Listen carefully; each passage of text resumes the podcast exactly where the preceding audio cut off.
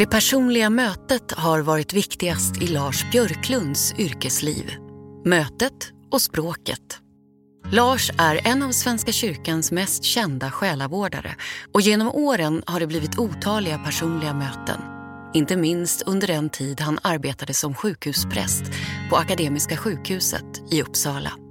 Men det har också blivit många ord, vackra ord, i ett antal diktsamlingar och själavårdsböcker. Dessutom föreläser Lars ofta om sorg, kris och det svåra mötet.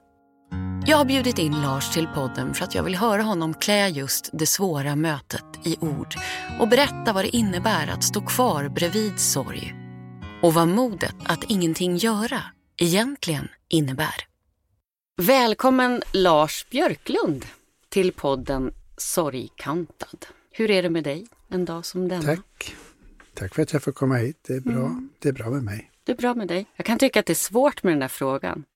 Ibland så funderar jag alltid på om den som frågar verkligen vill veta svaret. om man ska säga det långa eller det korta. Så ibland så brukar jag svara, jo tack, det är. Min mamma brukade säga, det är mycket som är bra. Ja, just det, det är också bra. Så gav hon en liten markering där att... Ja, och en öppning. Ja.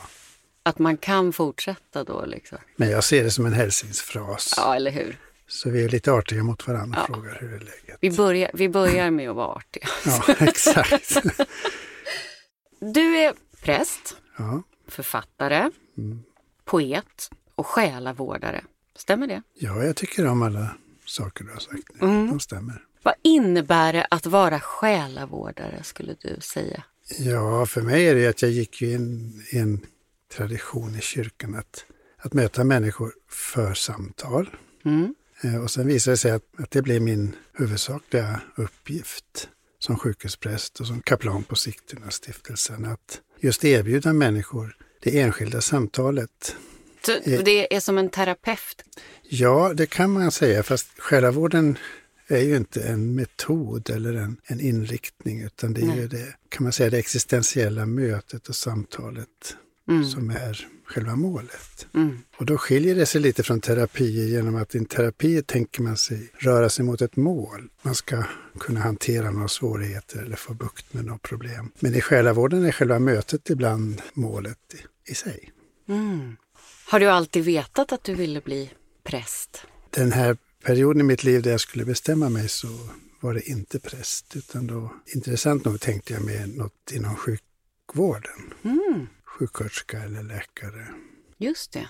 Och hur kom det sig att det blev präst? Då? En orsak var att jag sista året på gymnasiet märkte att mitt intresse inte var det alltså vi kallar det naturvetenskapliga. Nej, nej. Mm. Utan det var väldigt mycket filosofi och den typen av reflektions ämnen som, som lockade mig mest. Jag förstår. Sen var min pappa präst så att på något sätt låg det där som en möjlighet. Eller jag såg ju hur det yrket kunde gestalta sig. Mm. Både på gott och ont. Men jag såg det goda och tänkte att ja, jag ville gå in i det. Mm. Och ibland kan det ju vara så där att man, när man, ens föräldrar har haft den typen av yrken så gör man precis tvärtom för att man vill absolut inte. det här är spännande område därför att å ena sidan kan jag vara kritisk mot själva kyrkan som organisation. Mm. Och där min pappa var en del av den. Och, men sen såg jag mitt pappa också i mötet med människor mm. i församlingen. Och det inspirerar mig. För han, han mötte människor i glädje och sorg och blev deras stöd under besvärliga eller lyckliga perioder också för den delen. Och på ett sätt kan jag känna att det är det som är kyrka. Ja, Faktiskt. Sen kom jag ut på sjukhuset som sjukhuspräst och då, då var det ju det här mötet som, som blev det viktigaste. Precis. Mitt första möte med dig, eller dina ord, det var när jag första gången besökte Sigtuna-stiftelsen för några skrivardagar.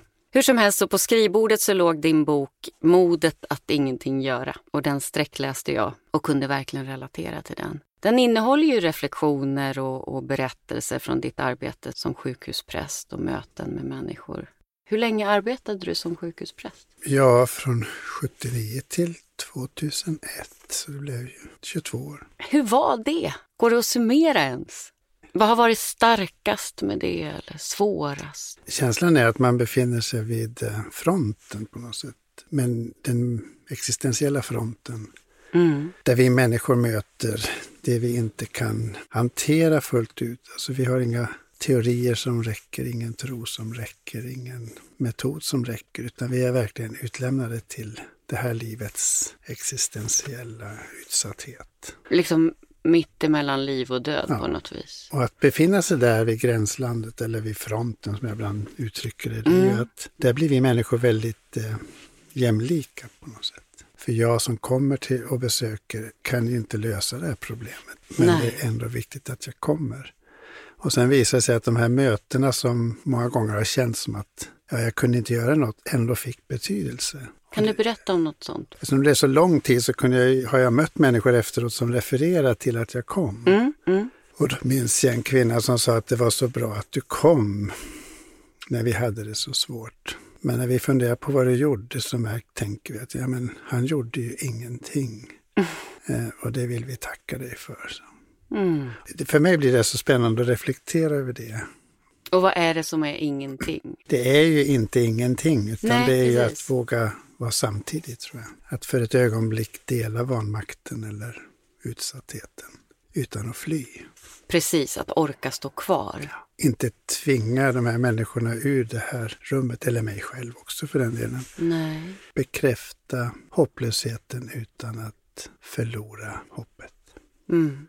Både döden och livet som sagt måste ju vara så oerhört närvarande i de här mötena. För så fort någon blir sjuk och hamnar på sjukhus så är ju döden där och stör. Ja. Och det, särskilt det här året som har gått nu har det varit väldigt påtagligt. Mm. Har, har du aldrig känt att det har påverkat dig så tillvida att du har blivit rädd eller fått dödsång? Alltså förstår du att, det, att man smittas av de här känslolägena? Man tar in starkt emellanåt tycker jag. Mm. Men det är intressant att jämföra att den här pandemin har ju gett nya insikter tycker jag.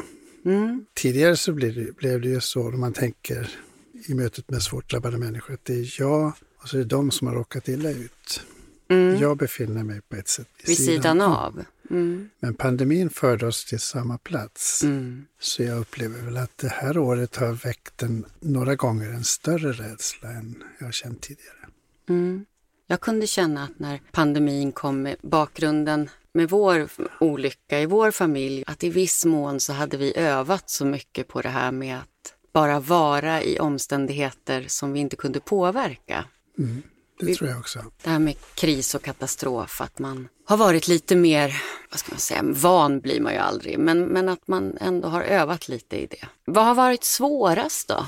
Det är svårt att inte kunna hjälpa en människa som har det svårt fullt ut. Den här människan måste klara det här själv. Mm. Ibland har det känts svårt att se hur, hur, svårt, hur svårt det är och hur svårt det kommer att bli. Kan mycket väl ha gjort en jättestor insats men deras eh, öde är deras.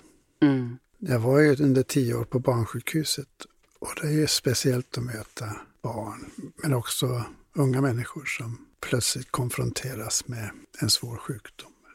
Vad är skillnaden Finns det någon sån generell skillnad? För mig är skillnaden att det, jag gör en skillnad mellan när barn drabbas och vuxna drabbas. Så ser det bara ut. Mm. Men när man möter den här som drabbas mm. så är skillnaden inte så stor. Är inte det? Vi blir mer jämnåriga i krisen tror jag. Hur, hur tänker du då? För det där är jag lite fundersam på också. Du som ändå har mött så otroligt många olika typer av människor. Skulle du säga att det finns någonting gemensamt i hur vi människor beter oss eller reagerar på sorg och förlust? Och... Ja, jag tycker den här tanken att vi är mer jämnåriga i krisen är ju att vi kanske regredierar, som man säger. Mm. Man går tillbaka till ett tidigare sätt att hantera svårigheterna. Mm. Så många sådana här mönster eller hjulspår från tidigt i livet sätter igång. Okej. Okay. Tänker du att det är för att, att det är det vi har lärt oss på något vis? Eh, ja, vi lärde oss tidigt hantera motgångar och svårigheter. Och det där kan ju, det är ju en styrka att vi har det där med oss. Men för en del var det så svårt när de var små så att de har hittat överlevnadsstrategier som inte är så Hälsosamma. konstruktiva. Nej, precis. Och så är det det där också, den starkaste känslan som var kvar, eller som är kvar faktiskt ska jag säga, långt, långt efteråt, är hur ytterst ensam man känner sig. Det tycker jag nästan är det värsta. Ja, och det är en ofrånkomlig del att vara människa, tänker jag. Att vi, vi är ensamma. Och att den existentiella ensamheten kan liknas vid ett rum till och med, som man har inom sig. Mm. Och ingen annan kan nå dit. Men där i det rummet finns ju det vackraste vi har varit med om också, tror jag. Såklart. Som ja. vi inte kan dela med någon. Men också det svåraste. Mm. Och troligen också det vi skäms för. Det kommer ingen annan människa åt. Och den här existentiella ensamheten blir ju så stark. Vi blir påminda om den när det händer svåra saker. Och också när vi vill hjälpa andra människor. Mm. Att vi försöker och försöker men vi når inte riktigt fram. Man har ändå en oerhörd längtan efter att andra människor ska förstå hur det är i det där rummet. Men det går inte på något vis. Nej, det går nog inte. Men man kan må bra att någon förstår att det inte går. Nej. Precis så. Ja. För då tränger man sig inte på. Man visar, jag fattar att jag når inte hela vägen. Men jag ser dig och jag vill lyssna på dig. Det är ju lite det som du pratar om i modet att ingenting göra till exempel. Modet att ingenting göra, vad är det? Skulle du säga? Ja, det var ju en lite provocerande titel jag kom på. Ja, men den är jättebra. Ja, och det ju, handlar ju om att vi runt den sjuke har svårt att inte göra något. Och då sätter det igång en aktivitet att jag måste i alla fall göra något. Och då finns ju en risk att vi lämnar den sjuke. Mm. För att till slut gör vi det bara för vår egen skull. Mm. Vi har verkligen jättesvårt att stanna där i den del av krisen som, som är hopplöshet eller vanmakt. Eller, och då signalerar jag i den boken att vågar vi sitta stilla hos någon som är svårt drabbad Mm. kan minska den övergivenhet som är Som det största hotet. Jag tänker ofta att människor i omgivningen, de vill ju så gärna hjälpa ofta. Och idag så vill man det genom att säga något bra. Alltså man vill trösta på något vis och säga något bra. Och då brukar människor fråga mig ofta sådär, men jag är så rädd för att säga någonting fel. Och jag brukar säga att, men du behöver inte säga någonting. Bara du orkar stå kvar medan jag säger det jag behöver säga. Då, då är det ju så att säger vi något så, så kan det landa fel. Men det tycks ändå vara bättre att vi säger något än ingenting alls. Ja, det, det kan jag också hålla med om. Eller att man säger det med någon form av ödmjukhet, att, att jag kan inte säga mer än så här. Men jag håller helt med dig om att vi behöver liksom ett mod, eller en, ett mod handlar det nog om. Att vara maktlösa själva, att inte kunna lösa problemet Mm, och ändå stå kvar. mm. Och det är inget lätt. Verkligen inte. Och, och sen så tänker jag också att i samhället idag, alltså vi vill på något vis fixa problemet och vi, vill- det, det ska helst också gå ganska fort. Ja. Den här boken som jag skrev nu, det, var, det är ju mycket ett manifest att jag behöver fortsätta sörja och jag kommer förmodligen alltid att göra det samtidigt som jag är glad och tacksam över det mirakel som ändå skedde. Men det finns, kommer alltid finnas en sorg i mig över det som har hänt. Stora händelser går ju inte över. Nej, för de, man kan ju inte backa tillbaka till det som var innan. Utan det blir fortsatt liv med det här. Ja, Och då gäller det att det blir ett möjligt liv tillsammans med förlusten. En av de främsta anledningarna till att jag skrev boken Ett sorgkantat mirakel var att jag ville hävda min rätt och förklara rimligheten i att min sorg inte är något som går över utan att den kommer att vara livslång.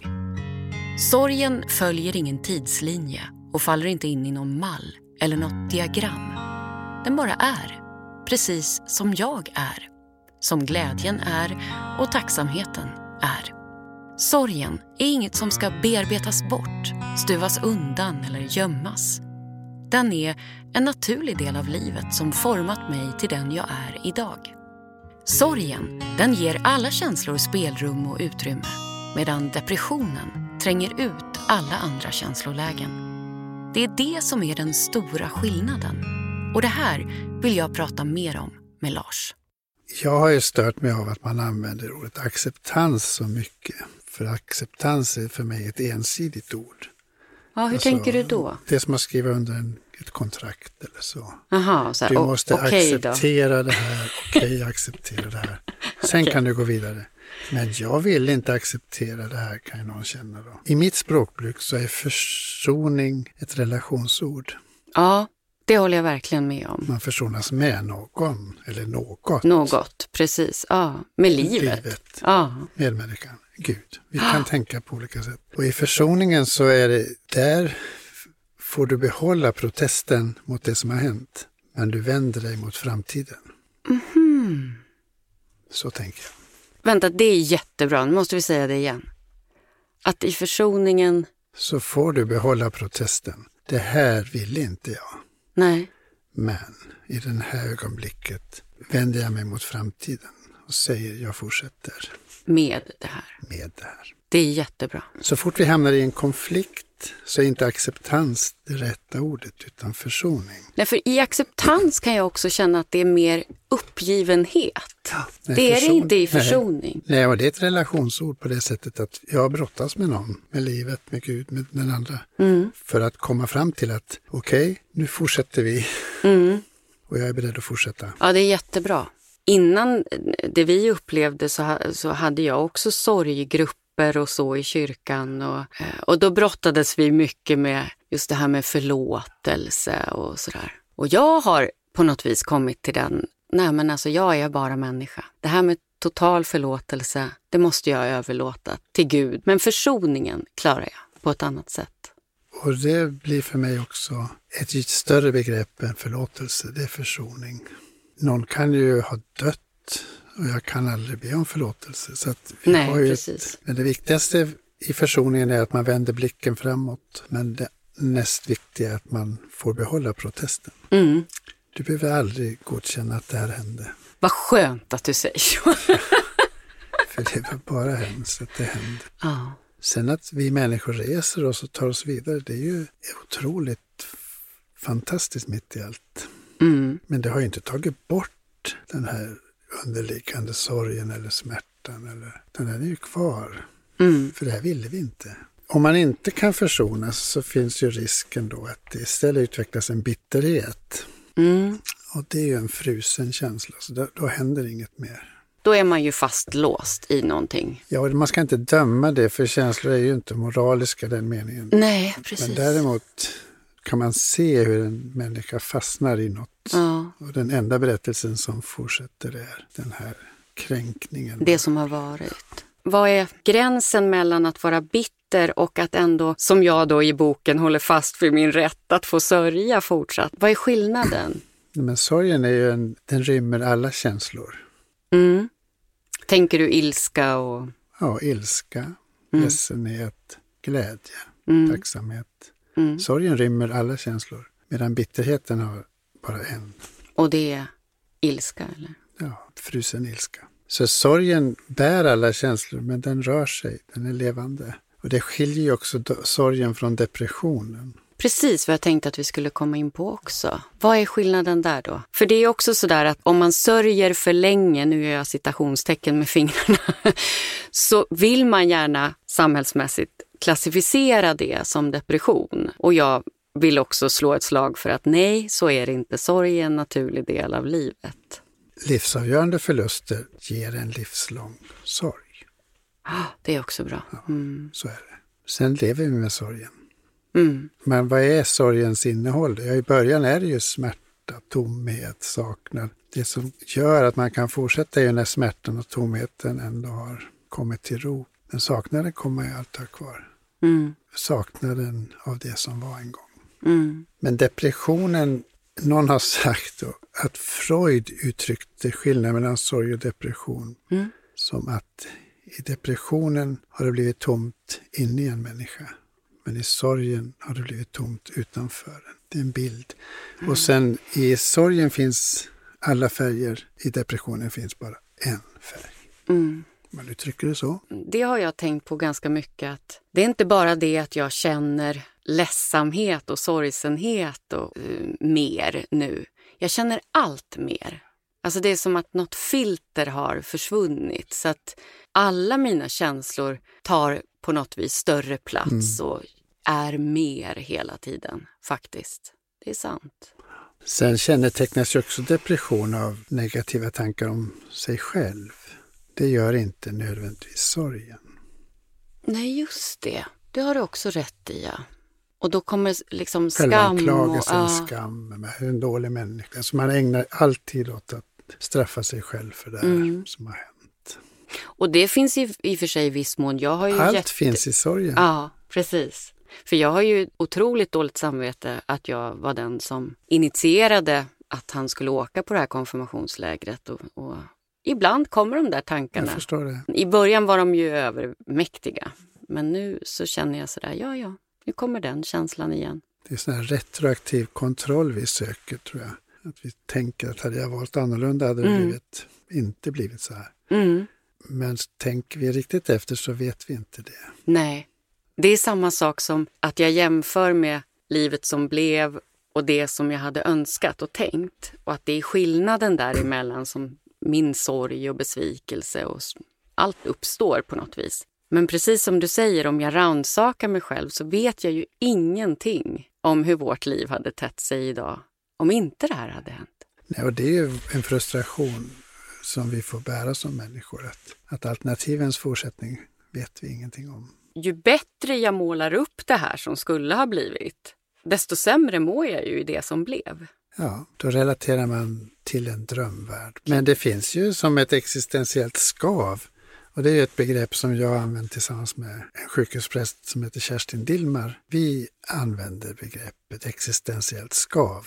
Vad är det då? Ja, det är att vi, vi är inte riktigt sams med livet. Och när det här skavet blir för starkt så är det ju en signal om att någonting måste ändras. Men att det finns ett skav i att leva. Det, vi tänker oss ett liv och så har vi det här livet. Och de där bilderna går inte ihop. Nej.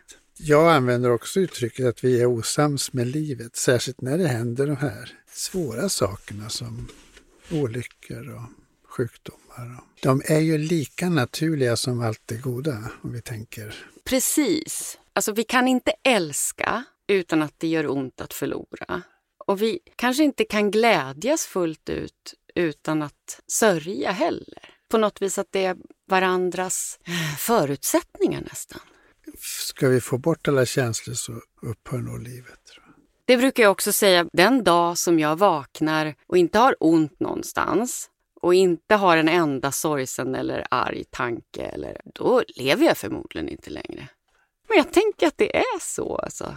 I det värsta då, när Leo låg på ECMO och IVA och så, tänkte jag just på det där att man Alltså hoppet lämnade, det var verkligen hopplöst. Och att jag var så beroende av andra människors hopp. En sköterska som sa till mig sådär, ja men Linn, jag känner att han är där inne när jag tar i honom. Bara, Mm. Det var liksom det vackraste jag hade hört. Eller, "Ja, fast man vet aldrig med barns hjärnor. Eller, så jag var extremt beroende av andra människors hopp. För jag hade inget.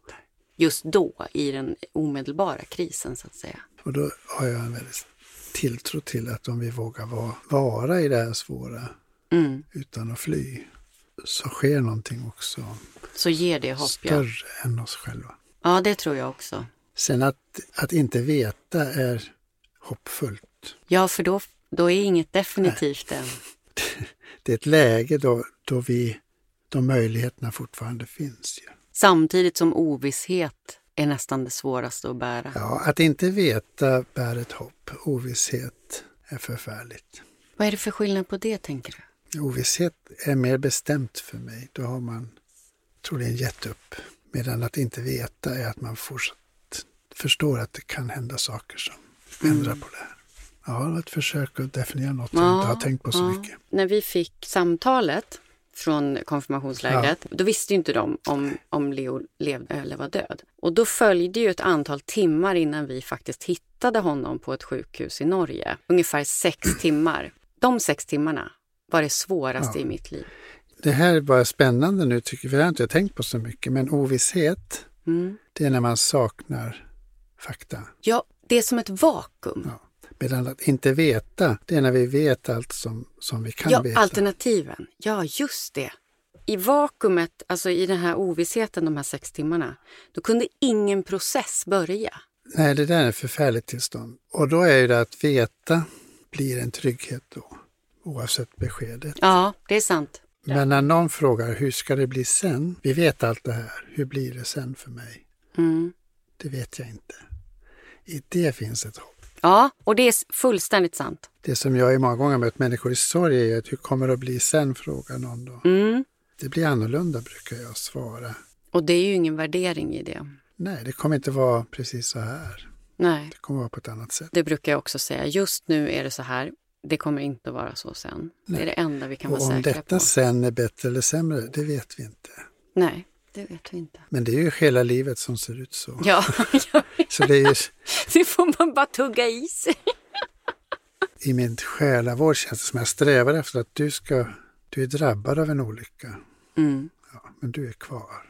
Ja, du är kvar och kommer att gå med den här sorgen. Mm. Men om man identifierar sig med olyckan eller förlusten, då blir det ens nya identitet. Och då tycks livet stanna. Mm. Vi vet ju det i traumaarbete också, men Ja. att får man inte den här berättelsen utanför sig själv är man kvar i presens, om du uttrycker det så. Ja, precis. Man upplever det om och om igen. Och det är inte så att man minns det, man upplever det. Så är det verkligen. Men har man fått det utanför sig själv så ökar möjligheten att man, det hände. Mm. Det händer inte nu. Så, det är, så jobbar man ju på något sätt med traumatiserade människor. Mm. Men det känns som att det är användbart också när människor drabbas av svåra förluster. Att, att just hjälpa dem till den här berättelsen. Ja, och det behöver ju inte vara skrivna Nej. ordet. Det kan ju vara som sagt målning eller på något vis att man uttrycker sig. Man, yes, det kan vara att man också planterar en trädgård. Faktiskt. Ja. Alltså, Det kan vara man hittar sitt språk. För det hjälper en också på något vis att förstå sig själv lite bättre kan jag tycka. Vad har det betytt för dig, det här med att formulera dig och uttrycka dig i skrift och ord? Mitt mest använda uttryck är att jag skriver korta dikter. Ja, väldigt vackra sådana. Ofta på Instagram, eller hur? Ja, jag har ju arbetat på olika sätt. Det första var ju att jag gav ut några diktböcker. Mm. Men jag började skriva redan som 15-16-åring. Mhm. Det där skrivandet, att formulera det som jag tänker, känner och upplever är med om, hamnar utanför mig själv. Mm. Och sen vill jag visa det. Och när den andra ser det och säger, ja men det här handlar ju inte bara om dig, det handlar också om mig. Nej, precis. Visst är det fantastiskt. Då har det ju blivit en dikt av det. Men sen de sista åren så har jag ju då skapat ett Instagramkonto för mina dikter. Ja, jag tycker jag kommunicerar med människor och det betyder mycket för mig att formulera det här. Och det blir lite en möjlighet att reflektera över det som sker i samhället Mm. just nu. Sen att människor då kan läsa in sina egna liv i det här. Det bästa dikten är ju den dikt när man inte bryr sig om författaren. När någon säger det är en fantastisk dikt och så frågar man vem skrev den? Jag vet inte. Det är en bra dikt. Ja. Ännu bättre är den, ja, jag tror jag skrev den själv. ja. Precis. Är det meningen att du ska gå i pension då? Alltså? Jag har gått i pension från eh, Sigtuna stiftelse. Från just det, ja. ja. Men jag har inte gått i pension från livet. Så länge jag orkar kommer jag ju fortsätta Skriva. och prata och föreläsa. Mm. Mm. Det har gått långa perioder då jag inte har skrivit. Mm. Har du känt dig stressad över det då? Ja, men samtidigt så är jag snabb med att hitta bilder för saker och ting. Och så jag tänkt att livet har ökenperioder Ja, just det. eller vintrar eller Trädor. trädor. Ja. Och, och då är jag inne i en sån. Och när det gäller poesin så är inte den beroende av tid utan eh, den har en egen almanacka. Så att om jag skrev en dikt för tio år sedan än nu så har jag skrivit dem samtidigt. Åh, det är vackert. Men Det är mina tankar som far iväg. Men att det finns en poetisk almanacka, det är jag rätt övertygad om. Ja. Liksom det finns en sorgens almanacka. Mm. Och den, där rör sig inte tiden heller på samma sätt som i den praktiska almanackan. För det- Sorgen är inte linjär. Nej, ibland har jag fått säga till människor att det finns en sorgens almanacka. För någon frågar, har, har jag sörjt för länge nu? Det ordet finns inte i sorgens almanacka. Utan du sörjer tills du är klar med det. Mm. Vi ska inte föra in det där i Nej. den vanliga almanackan. Nej.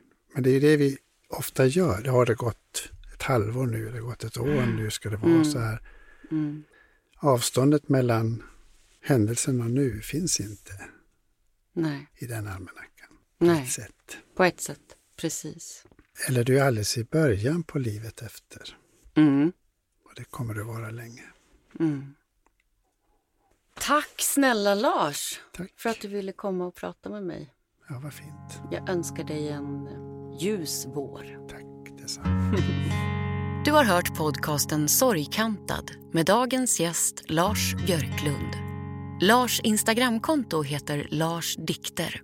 Och vill du veta mer om hans föreläsningar och utställningar kan du besöka larsbjörklund.se.